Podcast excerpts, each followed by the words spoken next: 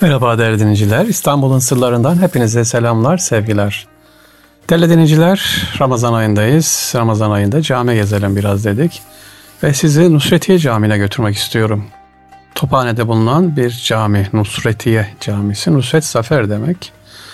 Nusretiye Camii ilginç bir cami. İkinci Mahmut yaptırıyor. Kendisi Topkapı Sarayı'ndan gelirken bulunduğu mekan itibariyle güzel topçuların olduğu, tophanenin olduğu bir yer.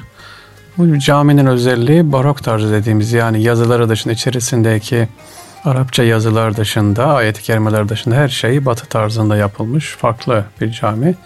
İlk defa Ermeni Baryan kardeşlerin yaptırmış olduğu mimarisi itibariyle çalıştığı bir cami. Bu caminin özelliği minareleri.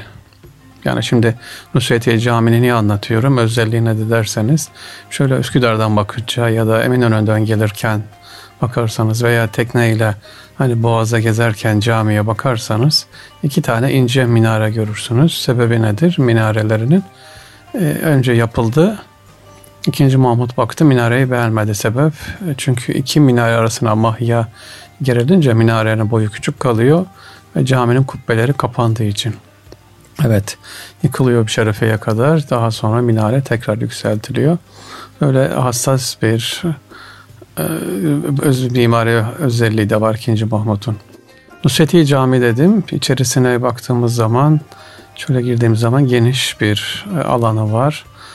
E, mahfili ahşaptan yapılmış güzel ama tabi cami içine girdiğiniz zaman şaşıracaksınız sevgili dinleyiciler. Niye?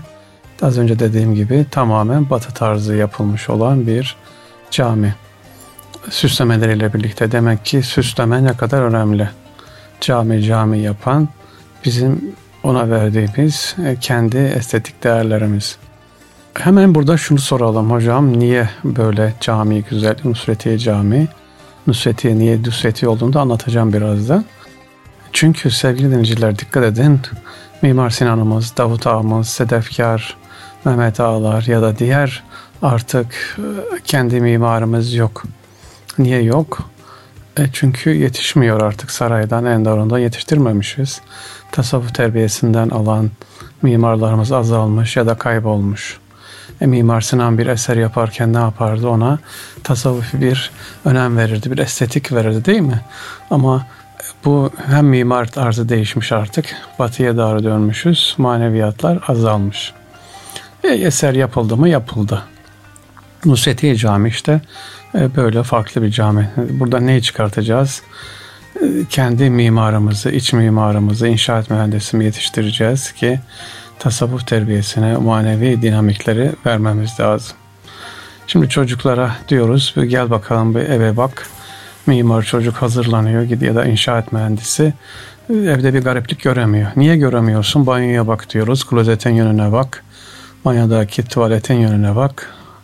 O hassasiyet neydi? O hassasiyet hocam bunu camide aman bunu okulda öğretmezler. E öğretmezler ama o estetik neydi vardı. Mimar Sinan ne yapardı? Bir cami, bir hastane, bir okul, bir medrese yaptıracağı zaman gider araştırır. Hem havasına bakar, çevresine bakar ve ona göre bir mimari, estetik, estetik güzellik takardı. İşte Nusretiye Camii'nde onu göremiyoruz. Gidip siz de tabii görebilirsiniz. Nusretiye Camii'nin bir özelliği ise külliyesinin olmaması. Nasıl yani? Etrafında bir hastane olur. Değil mi? Ee, bir misafirhane olur, bir medrese olur. Bu Nusretiye Camii'nde yok. Sadece e, Tophane'nin etrafında askeri e, binaların olduğu yerde bir cami olarak e, günümüze kadar gelmiş. Çeşmeleri var, etrafında muvakithanesi var. Bir özelliği ise Nusretiye Camii'nin böyle cami içerisine girerken sağdan yukarıya ve da soldan yukarıya doğru çıkarsınız. Sebebi de camiden inerken, camiden çıkarken e, kıbleyi arkaya almayalım diye e, böyle bir farklı caminin giriş yapısı da düşünülmüş. Dediğim gibi tamamen batı tarzı saray yapısı şeklinde. İkinci Abdülhamit Han buraya bir çeşme yaptırıyor caminin tam orta yerine girişine. Fakat 1956'dan sonra bu çeşme şimdiki İTÜ'nün olduğu yer Maçka Parkı'nın oraya taşınıyor. Bu çeşmeyi de göremiyoruz. Neyi anlatıyorum sevgili İstanbul'un sırları dinleyicileri? Nusretiye Camii'ni Batı tarzıyla yapılmış olan ilk camilerimiz artık yavaş yavaş başlıyor. Ondan sonra neyi göreceksiniz? Valide Sultan Camii'ni göreceğiz. İşte Hırkay Şerif Camii'ni göreceğiz. Tabii Dolmabahçe Camii'ni göreceğiz. Neyi, niye göreceğiz? Çünkü yavaş yavaş Batı barok tarzı artık girmiş. Camilerimizin estetiği mimarisi de değişmeye başlamış. Mesela Hırkay Şerif Camii'ne bakarsanız sağ ve sol giriş kapılarına onun mimarisi de farklıdır. Yine aynı Ermeni Balyan kardeşler o sülale yaptığı için, kalfa diyelim daha doğrusu yaptığı için. Hatta şöyle anlatılır Abdülmecit İlkay Şerif Camii'ne görmeye gidince neden böyle batı tarzı olduğunu biraz Hristiyan motifleri olduğunu ağırlık bastığını söyleyince sultanım der yabancılar da Hristiyanlar camiye girsin görsün diye yaptık diye böyle bir açıklaması da var. Ama işin esas tarafı nedir? Demek ki artık yetiştirememişiz, yetiştirememişiz. Mimar bizim de hangi alanda olursa olsun bir işimizin neyini en güzelini yapmamız lazım, en iyisini bilmemiz lazım. Evet Nusretiye Cami dedik sevgili dinleyiciler. Nusretiye Camii Tophane'de 2. Mahmud'un yaptırmış olduğu camilerden bir tanesi. Şimdi hemen Nusretiye'den sonra karşı tarafta iki Mimar Sinan'ın yaptırmış olduğu başka bir cami var. Yeni restorasyonu bitti. Ee, Ramazan'da e, vaktiniz olursa inşallah gitmenizi, görmenizi tavsiye ederim. Nedir o da derseniz Eminönü'ndeki, Unkapanı'ndaki e, ilk Mimar Sinan'ın Kanuni Sen Süleyman'ın damadı Rüstem Paşa yaptırmış oldu. Rüstem Paşa Camii. Rüstem Paşa Camii çok çok çok çok önemli bir camidir.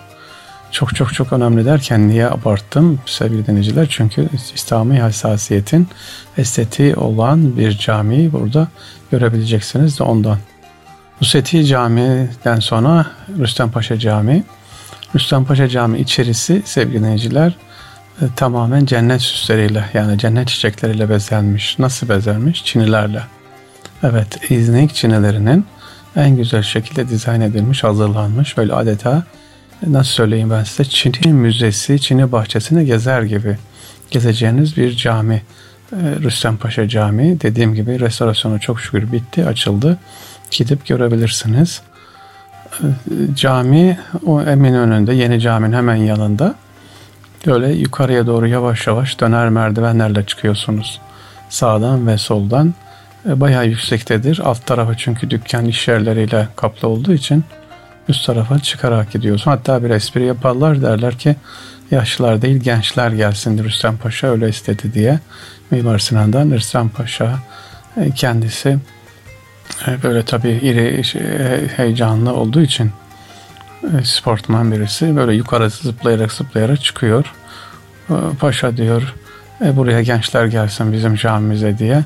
Öyle bir esprisi de var ama hakikaten dediğim gibi merdivenli yüksekçe bir yer böyle yaşlarımızın oraya çıkması pek de öyle kolay değil. E, set üstüne yapılmış gibi karşı tarafı görürsünüz. Rüstem Paşa Camii'ne gidelim. Özelliği nedir demiştim. İçerisi dizaynın cennet çiçekleriyle bezenmiş olması. Sümbül, lale, menekşe gibi. Bunların en güzel o dönemin çinileriyle. Ben bir zamanlar Rüstem Paşa Camii'ni çok şanssız bir cami olarak demiştim. Neden? E çünkü hemen hemen senede bir iki sefer o dönemde 90 e, yıllar, 2000 yıllar e, soyuluyordu. E, Çinisi çok çok değerliydi. Çok şükür sonra bir kısmı bunun yurt dışından getirildi. Ve gerekli korumalar da inşallah sağlandı. Şu anda Rüstem Paşa Camimiz böyle içinizin açılacağı mis gibi gidip görebileceğiniz güzel bir cami olarak inşallah devam ediyor. Yolunuz düşerse Rüstem Paşa Camii'ne inşallah bekleriz sevgili dinleyiciler. Değerli dinleyiciler İstanbul'un sırlarında bugün sizlere Nusretiye Camii ile Rüstem Paşa Camii'ni anlattı. İkisi de farklı. Biri tamamen batı tarzı, diğeri de ikinci e, Rüstem Paşa'nın yaptırmış olduğu Mimar Sinan'a e, İslam hassasiyete dolu olan bir cami. İşte gezerken çocuklarımıza, gençlerimize bunu da anlatmamızda büyük bir fayda var. İstanbul'un sırlarından hepinize selamlar, sevgiler. Görüşmek üzere efendim.